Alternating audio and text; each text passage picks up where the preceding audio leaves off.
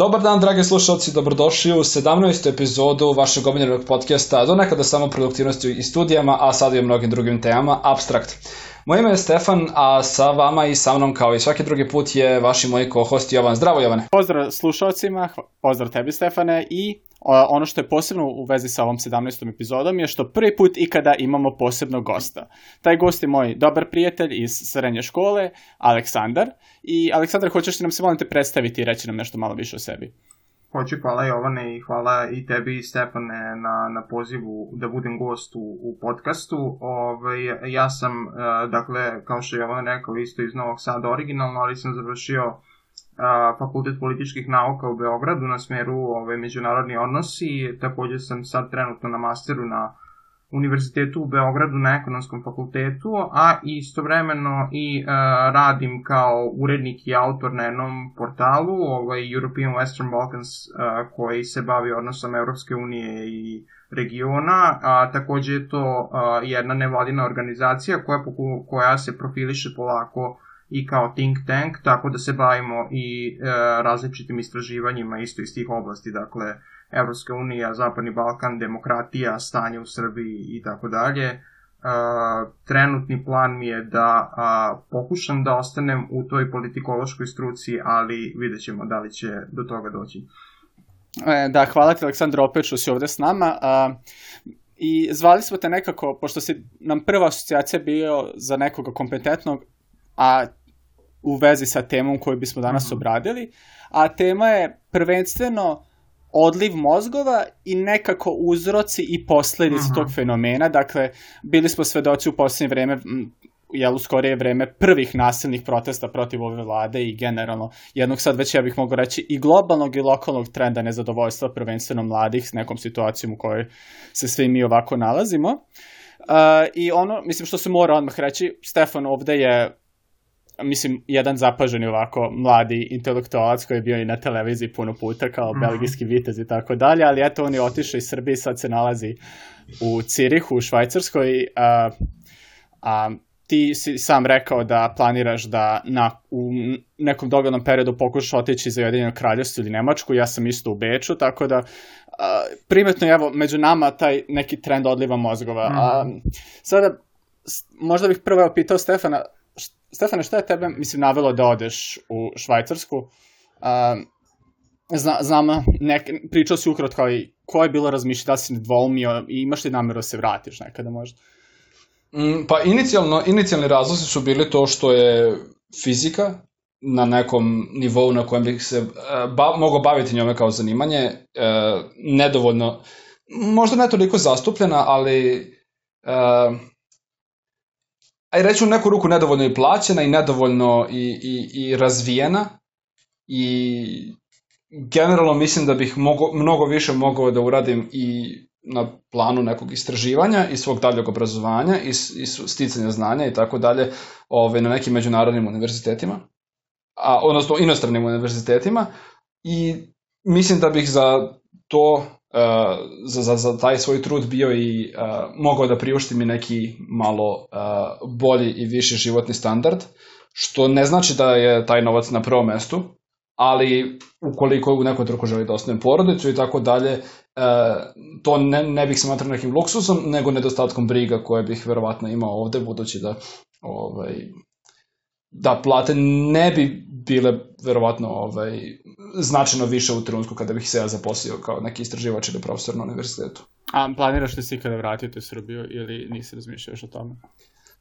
Trenutno nemam takvih nekih planova. Ako se u nekom... A, ok, ukoliko se situacija značajno ne popravi, ne do daljnjeg. Mm -hmm. ovaj, verovatno, dogod mi je plan da radim u struci, u fizici, ovaj, ukoliko budem imao nekih uh, drugih opcija ili ukoliko budem radio u industriji koja bi postojala u Srbiji, plan, taj planovi bi se mogli promeniti, ali i tada ovaj, postoje drugi kvalitete života u inostranstvu koji su mi trenutno, koje trenutno uživam, da kažem. Da, razumem. Ja, ja sam, što se toga tiče, negde odlučniji. Ja meni je prosto vrlo teško da zamislim situaciju u kojoj bi se ja vratio u Srbiju.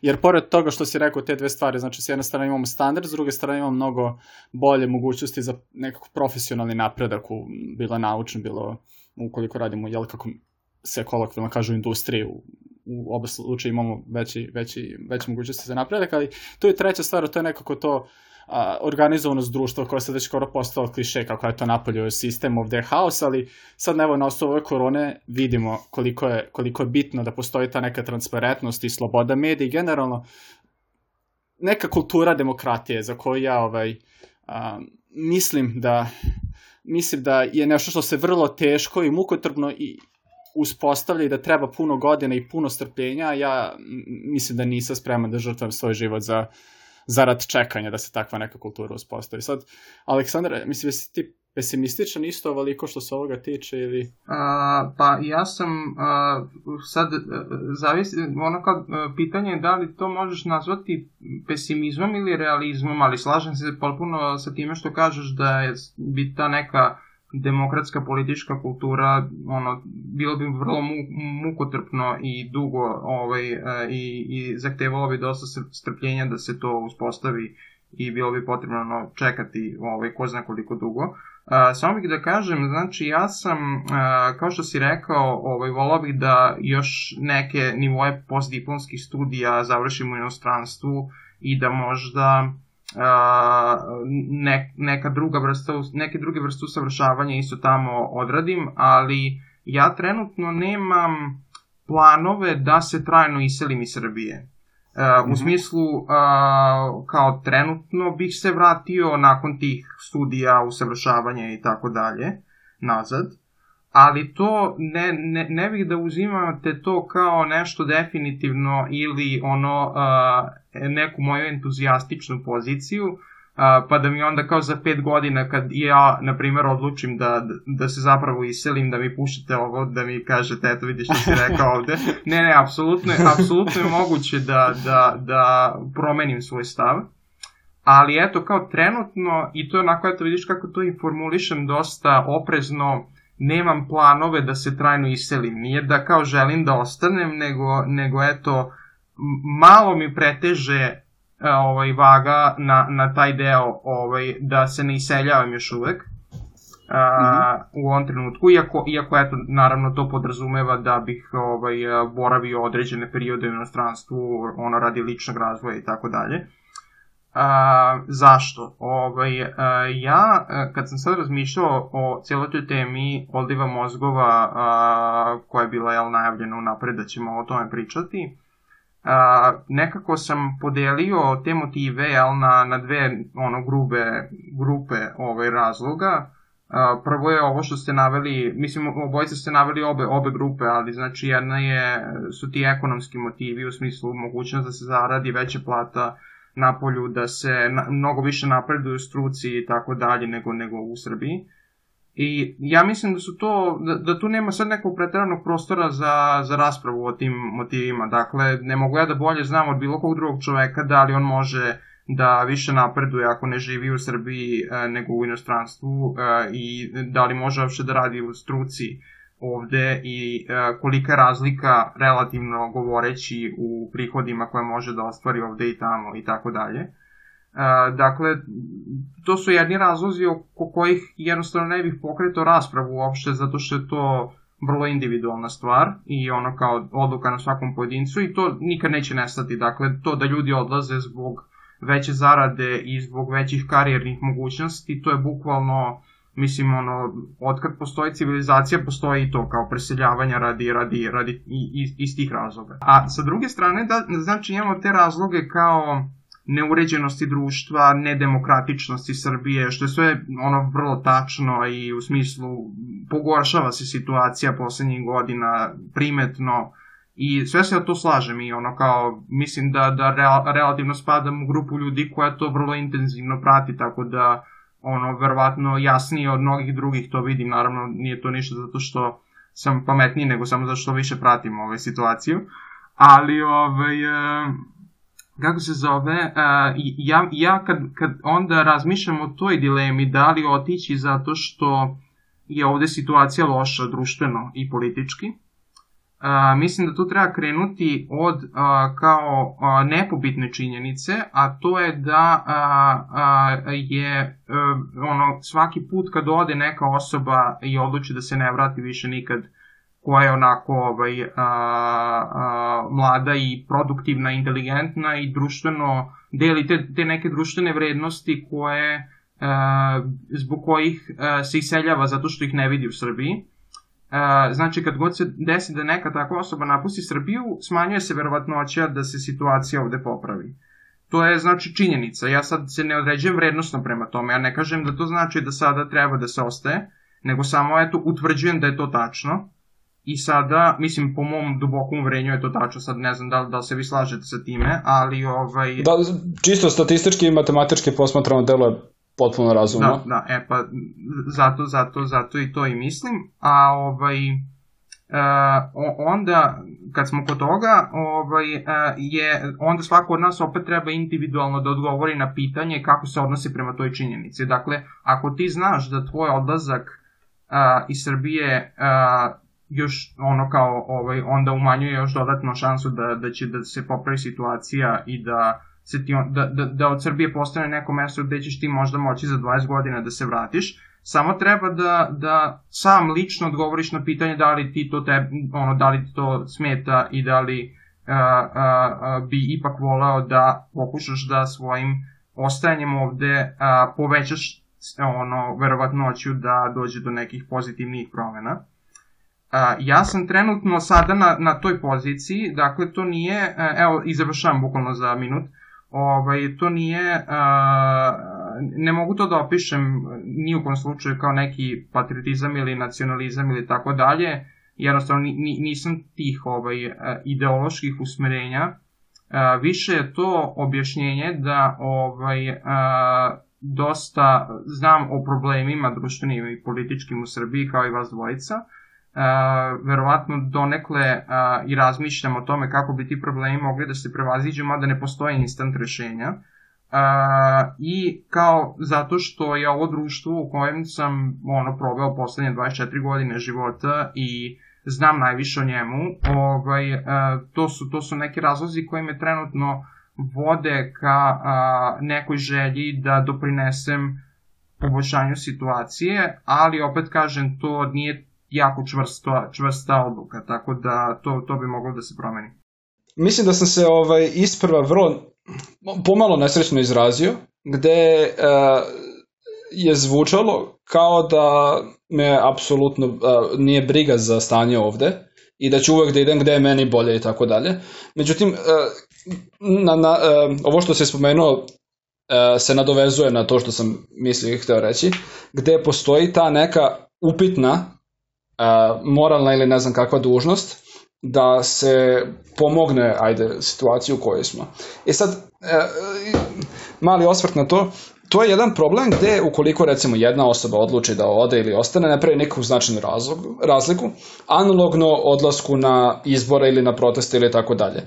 I to je iskoristio terminologiju drugara sa kojim sam pričao o tome, koordinacioni problem, gde zaista jedna osoba ne pravi razliku ili ne, Ovaj, a opet recimo odlazak na proteste je nekima neprijatno iskustvo, drdaš se tamo čitao veče i onako ima neki ogroman broj ljudi, da li je milion ili milion jedan, nikad nije bitno, znaš. Uh, ti si presudan samo ako baš ne rešeno što znači skoro nikad.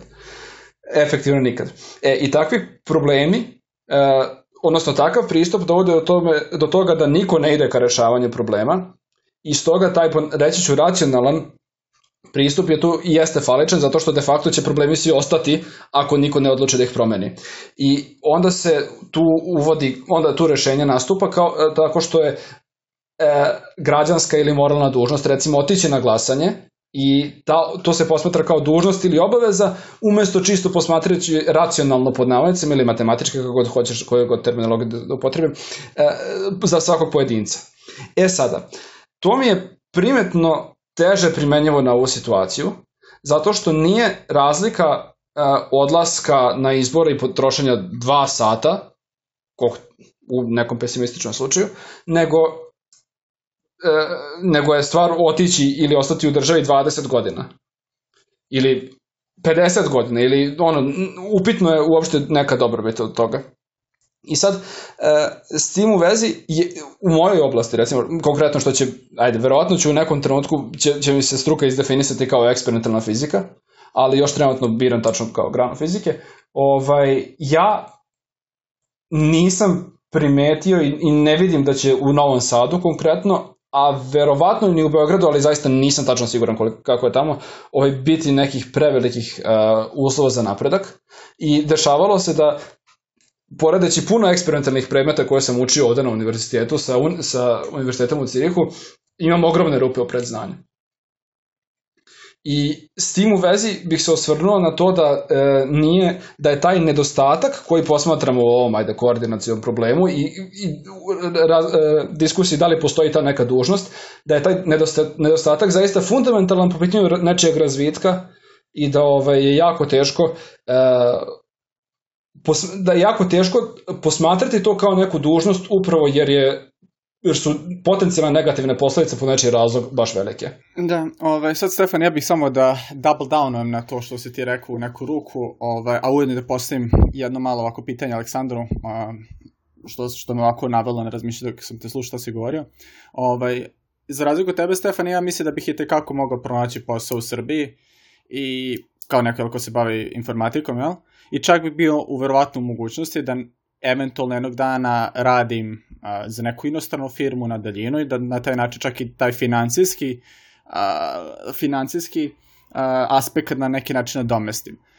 Međutim, ja i pored toga nemam nikakve namere nikada da se vratim u Srbiju. I to sam bio, to je bilo nešto što sam onako bio, eh, nisam 100% siguran, ali ova, ova, kažem, od marta na ovamo, prateći šta se događa, skoro da sam ostao bez ikakve sumnje da ja prosto nemam nameru da se vratim i vrlo i, i ono što mi je do toga bilo kao ne ratči na koji, na koji se vratno ne bih ni opredelio, a to je odricanje srpskog državljanstva sad mi uopšte više skoro i ne predstavlja neki emotivni problem.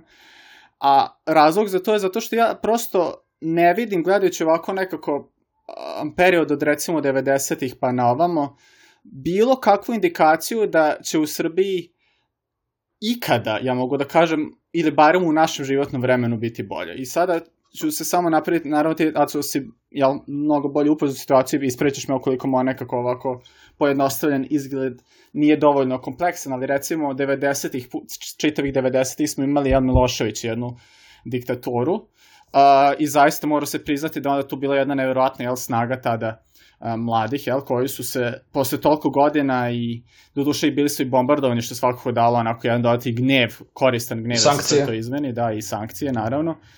I onda smo uspeli da se reše Milošević. I onda dve godine je bila manje više haos u neku ruku. I ja ne znam, čitao sam ovaj, o Zemunskom klanu na engleskoj Wikipediji mhm. -huh. pre nekog vremena i nisam mogao da verujem kakvo je tamo stanje bilo. I samo ovo što se zna i sad je manje više kao e, neupitna informacija o tome kako je imao kakve konekcije, mislim, koje ljudi iz kog klana su bili na koji način povezani sa, sve, sa državnim institucijama, je nešto što čovjek ne može da veruje kako smo mi uspeli iz toga da se izvučemo. I uspeli smo donekle, jel, bilo onda taj neki period gde ne, to negde krenulo ličiti na neku državu koja je kao flow demokrasi, odnosno okranjena demokratija, kako bi se jel reklo. Ovaj, I prosto onda smo eto došli do jedna, ponovo jednog perioda stagnacije i ja sam, mm -hmm. ja sam ovaj, prosto govorio jedno vreme, ok, to je zbog toga što prosto nema slobode medija, ljudi ne mogu da shvate šta se dešava. Ako nemaš kablovsku, nemaš opozicijne medije, ne znaš kako da koristiš uh, internet, ne znaš kako da koristiš Twitter, o kojem ćemo isto pričati ako bude vremena, ne možeš da znaš. Ali tokom ove pandemije sam ja čitao RTS mm -hmm. jedno vreme, što je jel, zvanična državna nacionalna televizija, koju imaju svi, i samo na osnovu vesti koje tu gledaš, to je zapanjujuće, užasno frustrirajuće koliko su to kontradiktorne informacije na dnevnom nivou. Znači, informacije od danas logički ni na koji drugi način ne mogu da se povežu sa onim što je bilo juče i, i, i prosto čak ni ne moraš da čuješ drugu stranu da vidiš uz minimalan trud i razmišlja da tu nešto apsolutno neštima, a opet podrška, jel, ovom vladajućem režimu je veća nego ikada. I ja prosto se plašim da je ovaj a, odmahuš glavom ne, pa ćeš mi reći, ali hajde, ovaj, znači ja se prosto plašim da je problem taj što ta demokratska kultura se nikada u istoriji Srbije u suštini nije, nije, nije pojavila. Jel? Evo recimo uzet ću na primjer Nemačku i Austriju, pošto su mi te dve države relativno bliske.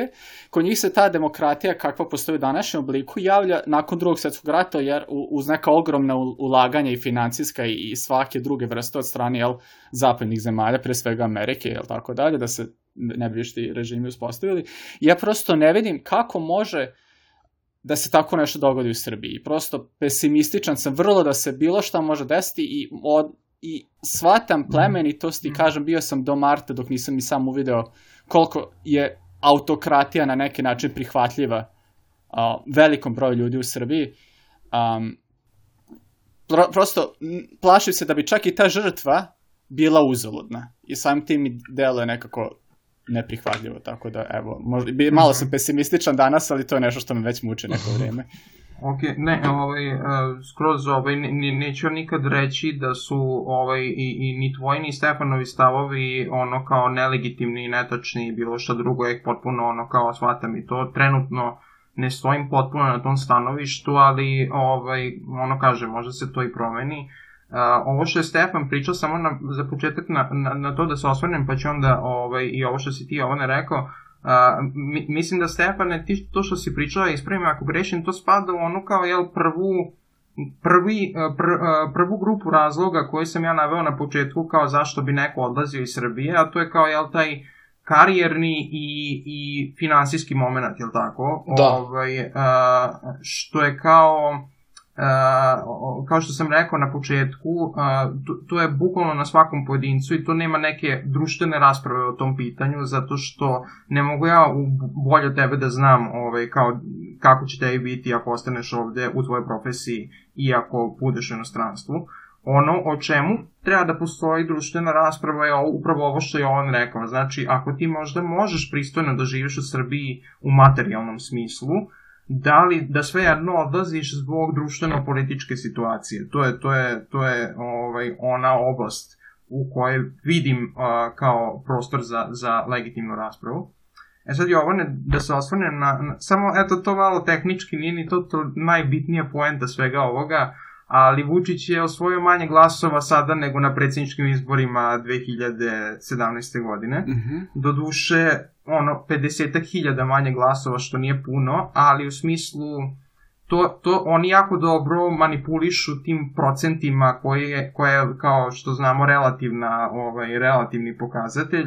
Ovde trebalo gledati apsolutne cifre, I plus postoje vrlo kredibilne optužbe sa raznih strana da su oni malo dodali tu jedno par stotine hiljada glasova ovaj, u mm. utije. Mm -hmm. A to su uradili zato što nije bilo kontrolora na izborima, zato što je bio bojkot. Mm -hmm. ovaj, e, tako da e, jedan od načina, eto to sam isto negde htio sam da provučem kroz razgovor, čak i ako odeš u Srbiju eto jedan od načina na koje možeš da možda pomogneš situaciji i iz inostranstva jeste da a, dođeš negde u vreme izbora i da budeš kontrolor. Mislim da što više ljudi treba da budu kontrolori a, stalno do kraja života, otprilike, dok god budemo imali izbore zapravo, to ti odnese, kao što je to Stefan pominjao, to ti odnese 6 sati tog dana kad su izbori. Ovaj, ali ti na taj način mnogo pomogneš, pošto ima jel, kao dva, dve smene, jel tako, ovaj, ti na taj način mnogo pomogneš tome da postoji kredibilnost izbornih rezultata. Ovi izborni rezultati koje smo, o kojima mi pričamo nisu kredibilni, zato što postoje vrlo osnovane sumnje da su malo naduvani. Mm -hmm. ne, ne u smislu da nije postojalo milion i pol ljudi koji su glasali za, za Vučića, sigurno jesu, neki od njih zato što su iskreno u, ovaj, kao veruju da je on spasilac i tako dalje, i deo njih zato što su primorani da to rade zbog posla i tako dalje. Ali mislim da je netačno da su oni, da oni su sad kao na vrhuncu, ovaj, ja mislim da su oni prošli vrhunac a, a, kako se zove, glasova koji mogu da osvoje na legitimnim izborima gde postoji zapravo dobra kontrola glasanja. To je bila samo mala, mala poenta. Mm -hmm. E sada, ovo što si pričao, a, da li se situacija pogoršava ili ne, to je isto upitno ja ne verujem da smo mi gore društvo uh, u demokratsko-kapacitetskom smislu nego što smo bili pre 15 godina kad je naša zemlja više ličila na ovaj, a, demokratske države u Evropi, na primer. E, znači tako, oko dve, između 2005. i 2008. recimo bio najbolji period u smislu posle, ali vidiš i to je trajalo samo nekoliko godina, tako da nije ni čudo što nije sad to uspelo da se ukoreni ovaj, uh, jako duboko.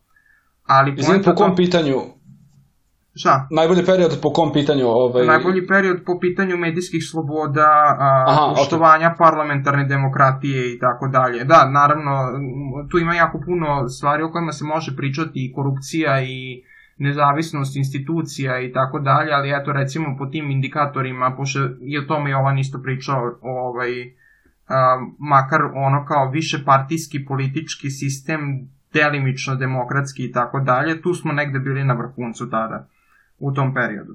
E sad, da li, da li je ovo što se dešava ovaj, poslednjih par godina dokaz da, da smo se sad mi ovaj, kao a, mentalitetski vratili unazad?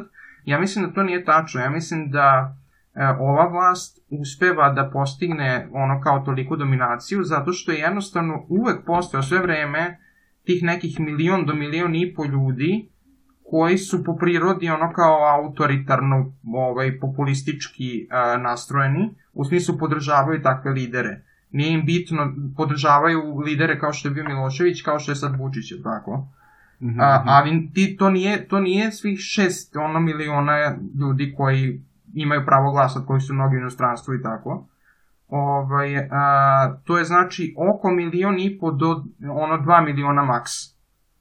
E, ali šta je poenta? Poenta je u tome što ova vlast jako vešto uspela da sve njih apsolutno stavi iza sebe, a drugih 2 miliona ljudi koji su kao demokratski nastrojeni recimo, su stravično podeljeni između sebe i ono kao, a mnogi su postali apatični politički.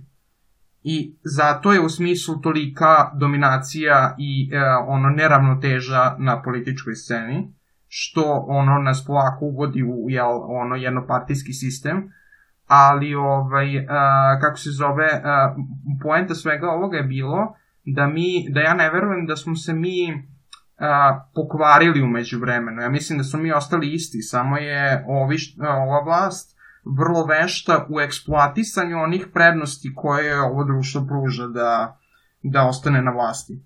I hoćeš da kažeš da bismo se možda mogli vratiti u taj neki period demokratije, ali nam eto fali mogli, harizmatična da, da. ličnost upro, ili, ili šta nam fali? Pa, uh, fali nam svakako između ostalog i harizmatična ličnost i tako dalje, ali uh, ja mislim, i, i ovo je sad druga poenta, da ljudi imaju pogrešnu pretpostavku o tome šta znači ono kao demokratizacija i promena društva. Uh, ja mislim da mnogi ljudi to gledaju tako da postoji jedan određen moment kad se sakupi dovoljno ljudi, zbaci trenutnu vlast, koja god daje, znači ne, ne mora nužno da bude ova, promeni sistem pod znacima navoda uh, i onda, onda budemo super društvo, jel, ono, demokratsko i tako dalje. To se nikad tako neće desiti, zato što bi u tom slučaju ti mogao da navedeš tačne istorijske događaje koji su doveli do toga da, a, a, u kojem je, na primjer, tačan istorijski događaj kada je a, Amerika postala demokratska zemlja. To ne postoji, jel tako? Ni, ni, ni, ni jedan, pa. ne, možeš da ubod, ne možeš da ubodeš a, događaj u istoriji nakon... Kada, i, recimo, ali zašto ne bi re, mogao reći, recimo, kad je Washington odlučio da ne uzme treći mandat i kad su zaista imali prve meaningful ne. izbore u tom trenutku postojalo ropstvo, ono, žene nisu imale pravo glasa, ovaj, na primjer. Ali, I... ali recimo, za kolevku demokratije su uzimo Grčku, koji su isto im bili robovi i žene nisu imali pravo da glasa. Da, Mislim, a ne, ne, de... to, to je, ne, ne uzima se Grčka, nego ona tipa par polisa od kojih je vodeći bio Tina, koji su imali taj kao demokratski eksperiment pod znacima navoda, koji znači nije trajao ni duže od nekoliko ono decenije ili možda vek i nešto, A i e, ja mislim da ne možeš da porediš grčku antičku demokratiju sa modernom liberalnom demokratijom koju mi želimo da, da uspostavimo. Ovaj, e, tad nisi, na primjer, imao ono podelu vlasti i ono kao taj princip ono, institucije i tako dalje. Da sad ne ulazim u, u detalje, ali samo, samo to da kažem da, da po mom mišljenju, a eto možemo da, da raspravljamo o tome, to je vrlo evolutivna stvar kao kako društvo postaje bolje i demokratski i to, tako što sve više ljudi kako generacije prolaze nažalost, a ne kako ovaj, a, ono, nekoliko decenija prolazi, a, usvajaju te društvene vrednosti koje predstavljaju bazu za demokratske institucije i za ono kao odsustvo velikog nivoa korupcije, odsustvo velike količine stranačkog zapošljavanja, što su sve kao boljke našeg današnjeg društva. Znači, to je, to je jedini način da se društvo menja. I zato je ono što si ti rekao na početku da je to mukotrpan, dugotrajan proces, to je tačno. Ali najbolji način da ti onda pomogneš svom društvu jeste da ostaneš i da živiš te vrednosti u svakodnevnom životu. Da, misliš li, me, me, meni deluje da je uh, jedan od bitnijih ovako reći ljudskih osjećaja za napredak nekog sistema vrednosti neki osjećaj dužnosti mm -hmm. prema ostatku društva i to u, uglavnom mi padaju a, neki restriktivniji sistemi na pamet što a, sa verskom podlogom, što sa ideološkom podlogom ili tako dalje, ali takvi sistemi su uglavnom imali neku a, izrazito jaku da li ličnost, da li ideju, da li veru koja bi stvarala osjećaj dužnosti i tako dalje. Mhm. Da li, kako bi se to moglo uspostaviti u jednom potpuno demokratskom društvu bez nečega od navedenog. A, sa, sa, samo, ovaj, Aleksandre, a, pre nego što odgovoriš Stefanu, samo jedno pod pitanje, pošto si rekao da je to multigeneracijski proces, a, da li si ti u neku ruku onda, da li to neke rekao da on te predstavlja priznanje da u suštini za naših života ovo neće biti država koja se može uporediti sa recimo, ne znam, jednom francuskom, nemačkom, austrijskom, ne, ni čak u ekonomskom, ne, ne, nekom demokratskom smislu. Za, u demokratskom smislu za naših života bi mogla da se uporedi a, u trenutku kada, kada a, kako se zove, ono, mi budemo već ono, stariji ljudi, ali da, a, u smislu poenta je svega da ne možeš očekivati da se to brzo desi. To je poenta. Ovaj, a, pošto jednostavno kad gledaš a, demokratske države u danas u svetu, one su stvarno rezultat bukvalno ovaj decenija a, razvoja, ono evolutivnog razvoja takve vrste političke kulture, da tako kažem, uh, koja je dovela do toga da oni budu uređeni i, i, i ovo. Osim izuzetak je to što si pominjao isto na početku, na primer Nemačka, koja a, je vrlo brzo nakon drugog svjetskog rata postala dosta ono demokratski, mislim zapadna Nemačka, ovaj postala postala dosta dosta demokratska država i sve.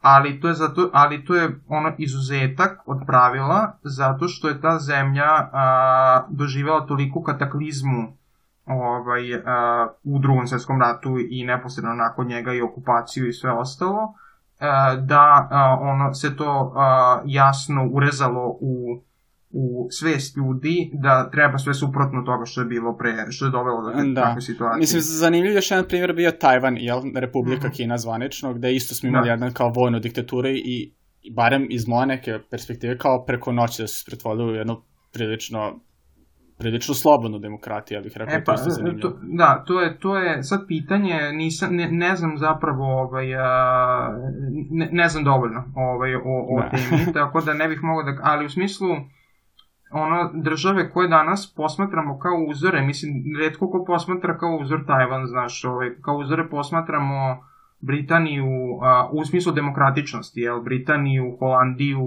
pa i Švedsku i skandinavske zemlje i tako dalje, u njima je sve to trajalo dosta dugo. Ovaj, nažalost, mi, mi smo, e, ono, ne nalazimo se na tom nivou ovaj, i, i, i eto, ovaj, to je, to je, to je samo poenta.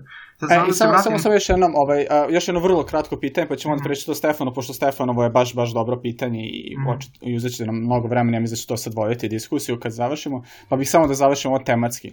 A, dakle, da li misliš pošto jel pišeš za Evrop, European Western Balkans, to si rekao uh mhm. -huh. na početku, znači to je jedan medij sa ovako proevropskom perspektivom, jasno, prilično. Uh -huh. uh, da li misliš, i ako da, u kojoj meri je tu negde Evropska unija svetlo na kraju tunela? Ja dok sam bio uh mhm. -huh. mlađi, na neki način, kažem, naivniji, sam mislio, ok, kad uđem u Evropsku uniju, to će biti prilično sve drugačije, ali onda Bugarska i Rumunija pokazuju da baš i neće i da nije to uh mhm. -huh. tako, eto, pređeš ovu prepreku i sad si demokratsko i slobodno društvo. Mm -hmm. I š, znači, s jedne strane imamo Rumuniju i Bugarsku koji kažu, eto, nije, Mađarska je još nije to sve. primer. Mađarska isto koja je nazadovala u neku ruku, ali mm. -hmm. ja bih uzeo još jednu državu za primjer, to je recimo Portugal, a, koji, ovaj, ja ne znam, od 70 i neki 78, ako se ne varam, u Evropskoj uniji, od čim su se rešili Salazarda, onog diktatora, koji je sličan kao Franko u Španiji, samo što ljudi manje Mhm. znaju za njega.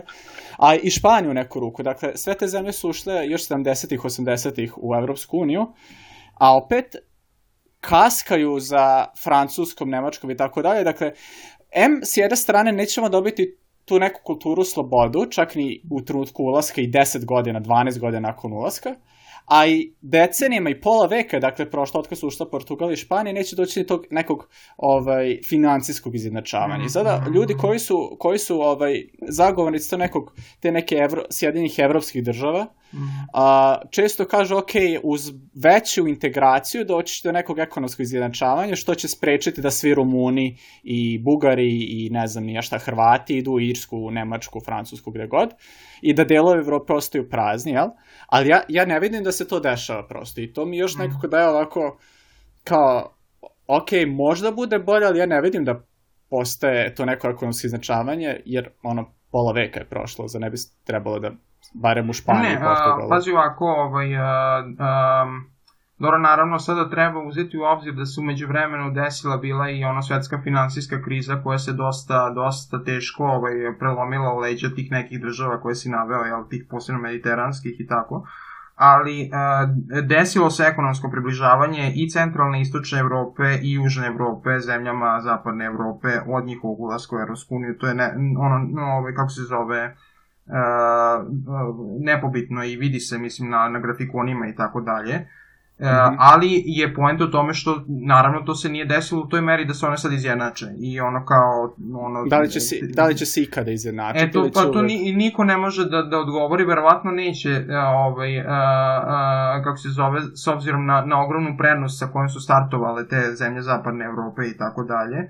A, I nekako je, mislim, i nerealno očekivati da toliki kontinent, mislim, jeste Evropa komparativno mali kontinent, ali u smislu kad imaš ovaj 500 miliona ljudi koji su jel sad u, član, u, unutar Evropske unije da će svugde imati jednak ekonomski jednak nivo ekonomski razvoja ni u jednoj državi pa čak ni u Srbiji imaš ono razlike između Vojvodine i Južne Srbije u smislu tom regionalnom Mhm, i tako mhm. dalje. Regionalne ekonomske razlike mislim i u Americi ih imaš u, u, u ono kao je- jel ovaj e, a, države na obalama i države u, u centru su različito ekonomski razvijene i tako dalje. Ja mislim da regionalne ekonomske razlike, mislim, nikad se neće potpuno izbrisati sigurno, ali ne znam da li je to sad kao kontraargument, e, to, to je sad pitanje kao e, šta je kontraargument Evropske unije. Evo, evo sad ću ti reći, e, isto sam razmišljao to dosta, e, kako se metaforički može odnos Srbije i Evropske unije opisati. E, evo, malo je možda šaša metafora, ali, ali eto, nadam se da, da, da ovaj, e, će biti kao ilustrativna. Ovaj, e, zamisli kao nekog lika koji je onako skroz van, van forme i ono loše se hrani, loše živi i tako. I on odluči u jednom trenutku da ide u teretanu i da angažuje personalnog trenera koji će mu pomoći da ono ovaj e, postane uđe u formu i ono počne zdravije da živi taj personalni trener će ga naravno jel, ono kao provoditi ga kroz te vežbe koje mora da, da vodi, sastavit će mu režim ishrane, režim treninga i tako. Ali na kraju ipak zavisi od tog lika da li će on postići to ili ne, od njegove želje i volje za promenom, jel tako? Ne možeš da kriviš nečeg ličnog trenera što je, koji je uradio sve što je bilo do njega, ukoliko taj neko ko je odlučio da a, da se poboljša, jel tako, ovaj, to na kraju ne postigne jer je jednostavno ono nije imao volje i želje za time. Ovaj, Da. e, tu je recimo ono Srbije i Evropske unije. Znači, Evropska unija je u ovom trenutku taj kao lični trener koji nama o, već decenijama, ne godinama, nego decenijama nam daje tačno šta bi mi trebalo da uradimo da se približimo tim evropskim standardima i u, na nivou zakona i na nivou prakse, pravi izveštaj o našem napretku i tako dalje koji a, registruju da ne postoji napredak u mnogim oblastima i to. A mi jednostavno ne radimo ništa da, da to popravimo tako, tako da to je već, većinski krivica na nama. Ovaj, a, zašto, zašto ja podržavam a, pro, ono kao proces evropskih integracija Srbije? Pa, upravo zato što mislim da a, nije da to rešava naše probleme, ali nam daje kao tu neku, taj neki podsticaj da se reformišemo ukoliko mi imamo dovoljno političke volje da se reformišemo, što nemamo u ovom trenutku. Uh, ali uh, ne, ne očekujem ja da, da samim tim što, što smo se kao odlučili da pristupimo Europskoj uniji, a to je ono ide sve sporije upravo zato što smo mi sve gori, a ne zato što je ono kao e, nas Evropska unija blokira, što naravno je još jedna manipulacija vlasti kako bi ovaj prikazala da to što mi ne napredujemo je krivica Evropske unije, zapravo je naša krivica, njihova krivica, je tako? Ovaj, e, e, znači, zbog toga je taj proces e, evropskih integracija potencijalno koristan, ali potencijalno samo ako mi želimo da iskoristimo te prednosti mm. koje nam on pruža, a mi ne želimo trenutno da ih iskoristimo, a, a to da li, da li ulazak u Evropsku uniju znači da, da o, o, automatski postaješ a, uređena država a, i ono kao a, a, na jednakom nivou i ekonomskom i demokratskom sa državama Zapadne Evrope očigledno ne znači. Znači, po, pokazali su nam pokazali su nam ovaj, e, kako se zove, iskustva drugih država da to nije tako, ali e, to onda nije argument za prekidanje evropskih integracija po mom mišljenju. Moj argument za prekidanje evropskih integracija bi bilo da je tebi gore nego što ti je bilo ranije e, zbog tog procesa i zbog recimo ulaska u Evropsku uniju. Ja mislim mm. da uz sve probleme koje postoje ne možeš reći ni da je u jednoj zemlji e, ono koji su postali članice Evropske unije da je njima gore nego što im je bilo ovaj, pre nego što su ušli. Možeš sasvim ovaj, legitimno reći da su možda bila prevelika očekivanja i da se one nisu toliko reformisale koliko su mogle, ali ne možeš reći da je, da je, da je e, to njima pogoršalo situaciju, u, osim u smislu odliva mozgova zbog Što otvaranja granica i tako da, dalje. Da, da. da. Ali mm. i u Srbiji postoji, mislim, odliv mozgova o čemu mi danas pričamo, a mi nismo ni članice Evropske unije. Tako da to ono nije toliko relevantna situacija. Ovaj, ja bih rekao da kao ako bismo mi želeli da iskoristimo sve prednosti od članstva Evropske unije, onda bi Srbija postala bolje mesto za život i onda bi se smanjio odliv mozgova, ali naravno trenutno smo, trenutno smo daleko od toga. E, a evo, ovaj, aj, Stefane, molim te samo ako možeš da, da ovaj, ponoviš šta si, šta, si, šta si rekao ovaj, oko ovog pitanja. Ok, pričali smo o tom osjećaju dužnosti uh, koji neko treba da ima da bi uh, društvo ajde, mm -hmm. uznapredovalo i taj mm -hmm. osjećaj dužnosti uglavnom, uh, barem uglavnom, kada razmišljamo o njemu, uglavnom mi padaju na pamet E, neke e, restriktivnije države, restriktivnije uređenja gde postoji neka određena ideja, osoba, vera ili nešto mhm, slično, mhm. što će da pruža osjećaj dužnosti e, njenim građanima. I sad, pitanje nije kako to da postoje države gde su ljudi prilično društveno svesni -hmm. i društveno angažovani, nego kako da od Srbije konkretno postane jedna svesnija, e, jedna zemlja gde su sa višom društvo, građanskoj svesti, e, bez konkretno nekih od navedenih, reći ću, e, entiteta. Opet, to je ono što sam rekao i na početku, ovaj, ne postoje neka instant rešenja, ovaj, jednostavno a, nigde, opet i u zemljama u kojima se razvijala decenijama ovaj, taj osjećaj ajde, dužnosti, ali tu pretpostavljam da, da govoriš o osjećaju a, ono dužnosti učestvovanja u nekom demokratskom političkom životu, je li tako? Jel, jel o tome pričamo? U smislu... Ne samo to, nego, nego stavljanja recimo društvenog uh, -huh. društvenog benefita, uzimanje u obzir za početak. Uh -huh, uh -huh. Da, pa... Ovaj, dakle, bez da se desi neka, kao što se spomenuo, kataklizma, kao što je bilo uh, sa Nemačkom posle drugog svjetskog rata, gde je uh, zapadna Nemačka zaista maltene instant, kao što se i sam rekao, postala potpuno drugčija zemlja. Da, da. Ovaj, a, pa jedine, jedino rešenje koje ja trenutno vidim, koje naravno nije dovoljno dobar odgovor, pretpostavljam za mnoge, ovaj, što je isto razumljivo, ali jednostavno e, ovaj, je to realistična situacija, jeste da a, ljudi koji su, a postoje takvi ljudi u Srbiji, samo što su oni jel, ovaj, ne toliko vidljivi, koji su svesni a, značaja, a, a, kako se zove, opšteg interesa, a to smo na kraju krajeva i mi i na kraju krajeva možeš na to, o, ovaj, o tome da doprineseš i ako ne živiš u Srbiji, a, jeste da, da ono kao promovišeš u svom svakodnevnom životu i ličnim primerom, a i kao a, aktivni pojedinac u javnom životu, a to ne znači naravno da budeš političar ili tako nešto, nego ono kao uključivanjem u dijalog o raznim pitanjima i praćenjem situacije i tako dalje i ono glasanjem na izborima i to da, da doprineseš promovisanju svesti o, o, o opštem interesu. E sad, to je mm -hmm. opet, uh, uh, uh, kažem, ne baš pretrano definisan odgovor i ne pretrano zadovoljavajući, ali to je zapravo, uh, tako, tako se to dešavalo i u drugim demokratskim državama, tako su one zapravo stigle do toga. Tako što su jednostavno decenijama i decenijama postojale grupe ljudi kojima je to bilo dosta značajno i koje su promovisale opšti interes po raznim pitanjima, bile su organizovane ili u političke stranke ili u neke druge vrste ono, udruženja građana i tako dalje. Evo, kako je ukinuto ropstvo u Americi, nije to ukinuto ono kao tek su 1863. postali ljudi svesni da je ropstvo problematična stvar, mm. nego je bukvalno od početka 19. veka, pa čak i ranije, postojala grupa abolicionista, je tako, koja je rasla iz deceniju u deceniju, ljudi su postajali svesni i svesni koliko je to nemoralno i loše i strašno u kakvom se položaju nalaze ovaj, uh, afroamerikanci.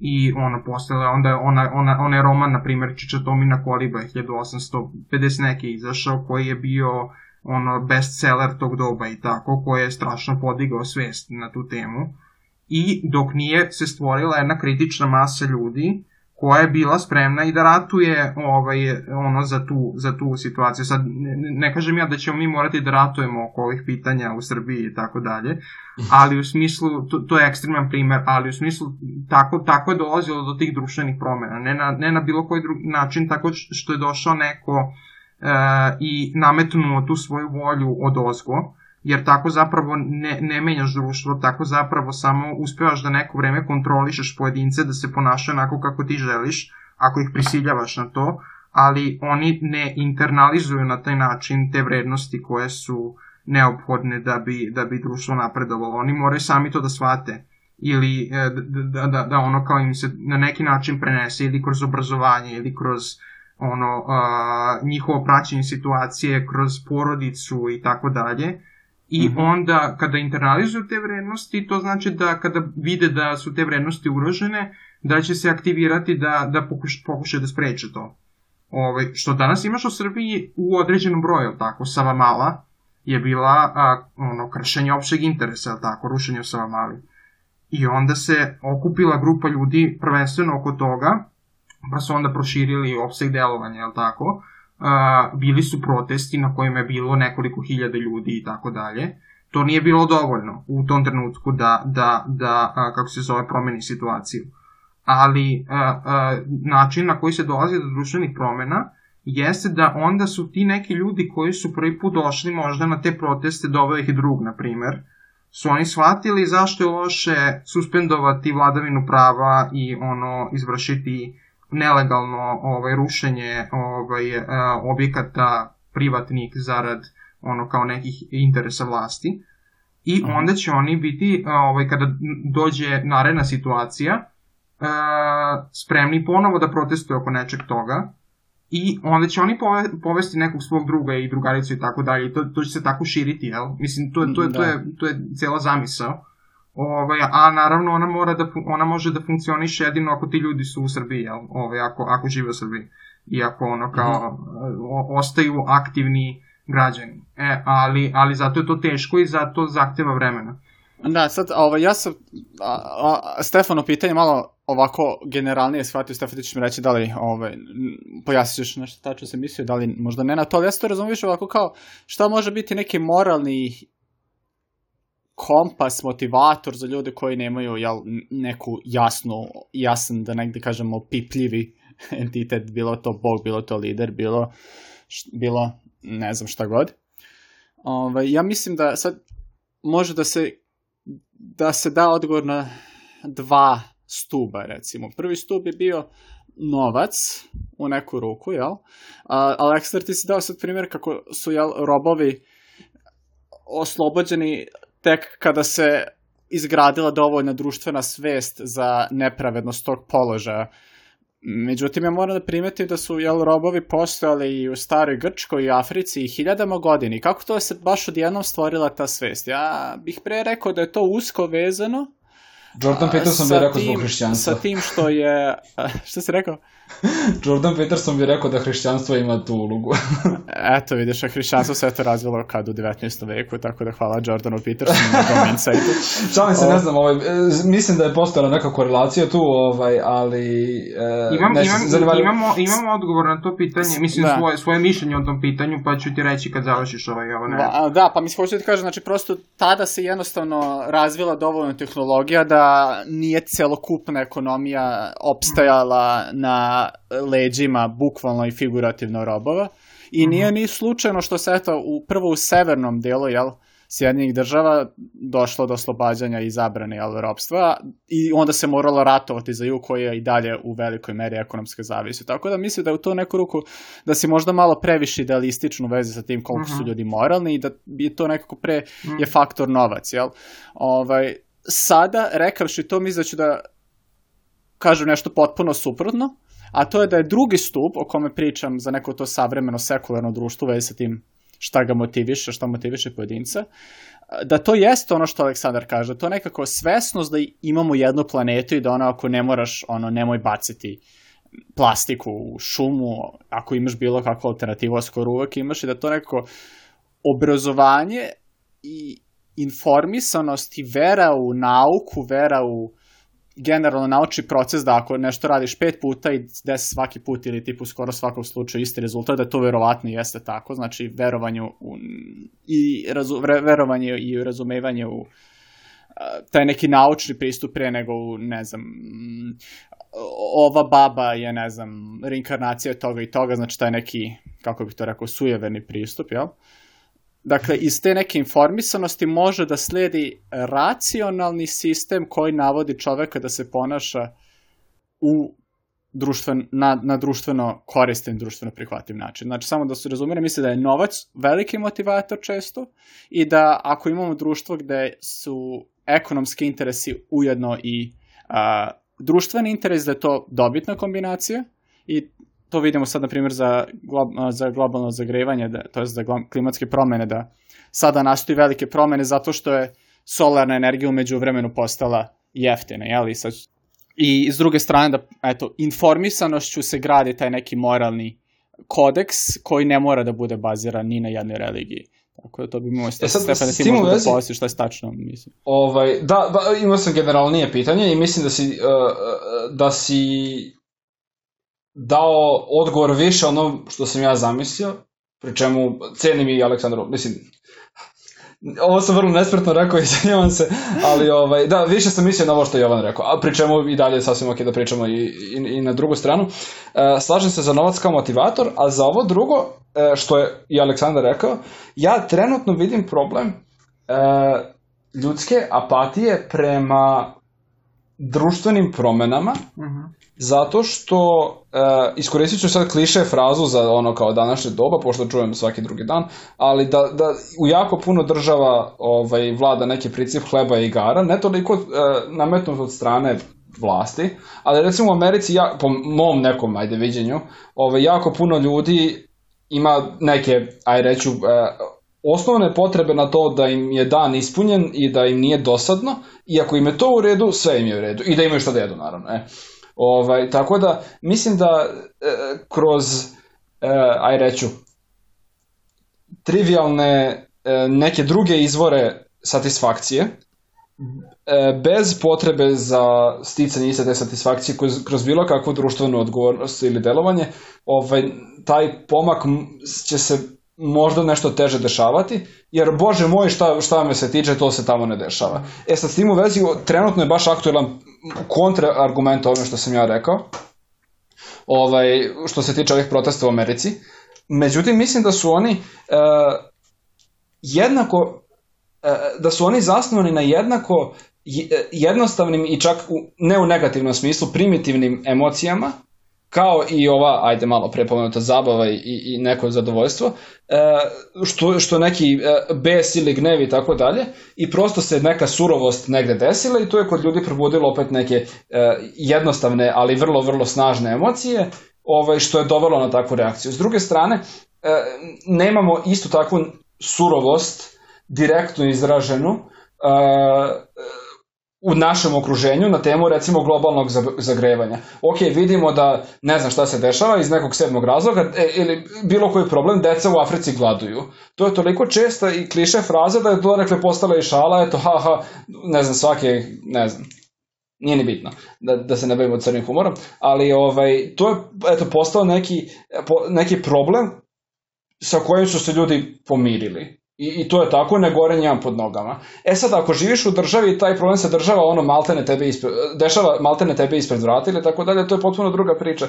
Tako da mislim da je ta neka apatija i pogrešna orijentacija društva možda neki preveliki korak uh, za tako neko angažovanje. Eto, spomenuo si Čečetominu Kolebu kao uh, knjigu koja jeste imala neki uticaj, za danas bi taj uticaj morao da bude u potpuno drugčijim nekim e, medijumima e, da bi bio zanimljiv za konzumiranje drugima i da bi uopšte mogao da prenese tu poruku. Mm -hmm. Sad malo sam konfuzno pričao, ali nadam se da sam oslikao poentu. Ne, sve, sve, da, skontao sam ovaj, ovaj, ovo je ono što si ti rekao i ja, i ja se potpuno slažem sa svim što si rekao u smislu da je potrebna sinergija ekonomskih interesa i interesa ljudi koji možda nemaju lični ekonomski interes, nego imaju samo ono a, altruistički interes da da ovaj a, kako se zove doprinesu opštem interesu društva. Mi treba da prepoznamo da postoje obe grupe ljudi uvek. Znači, sigurno ima ljudi koji podržavaju nešto samo zarad svojih sebičnih ekonomskih interesa, sigurno ima ljudi koji podržavaju, iako nemaju nikakav lični interes za time, ali žele da pomognu i da doprinesu i tako dalje. A imaš i veliki deo ljudi kojima su obe, ono kao, sjedinjuju im se ti interesi u, u njihove ličnosti, jel tako? Ovaj, a, tako da, eto, samo samo da, da, da doprinesem da, da, se, da se slažem s time. Mislim, jedan od razloga e, još zašto je a, ova vlast trenutno kao ovaj, uspela da se održi, e, toliko dominantno jeste što oni kontrolišu ogroman broj radnih mesta i ogroman broj resursa u državi. Mislim, niko da. nije, niko nema više para u državi od Srpske napredne stranke, tako da, ovaj, e, e, eto, to je, to, je, to je kao razlog zašto, zašto im uspeva sve to i zašto se treba boriti, po mom mišljenju, za to da, da a, država manje zapošljava i da ono manje, ima dostupa da, da ima pristupa, manje pristupa novcu. Ovaj, a, I samo ovaj, još ovo što a, a, kako se zove a, a, je Stefan pomenuo oko toga, oko apatije. A, ja mislim da je uvek a, mala manjina društva zapravo a, jako društveno angažovana oko nekih pitanja i to je uvek tako, ali da ta mala manjina može da podstakne u određenim okolnostima i većinu da postupi na određen način koji onda dovodi do ono celokupnog napretka.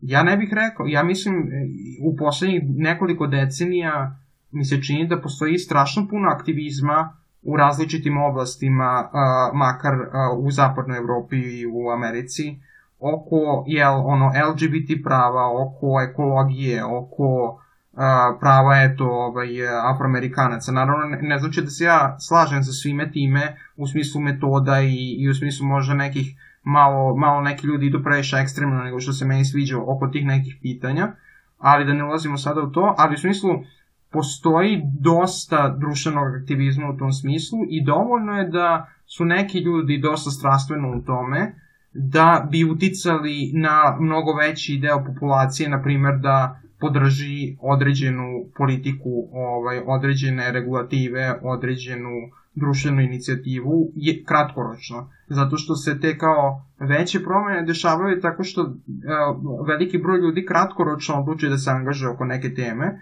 a onda ostanu ti pod znacima navoda čuvari vatre koji se u svom svakodnevnom životu ono, bave, bave svim tim temama. Tako da, eto, ovaj, mislim da tako dolazi do brojnih duševnih promena na zapadu trenutno, mislim, eto, ako uporedimo samo položaj uh, LGBT populacije pre 20 godina i danas, mislim, baš je drastičan razlika. Da, slažem se, mislim da su oni baš jedan ovako, da su oni jedan, jedan aspekt u kom su baš izrazito i veoma brzo napredovali kao društvo, pre svega na zapadu, a ovo sve se više širi. Samo bih možda još jednu stvar dodao, što sam možda zaboravio napomenuti, pa onda mislim da možemo preći na sledeću temu, Stefan, ako se slažeš, a to je da je ovde negde za motivis, motivaciju ljudi da čine ispravne stvari, a, da je tehnologija implicitno možda i ključna.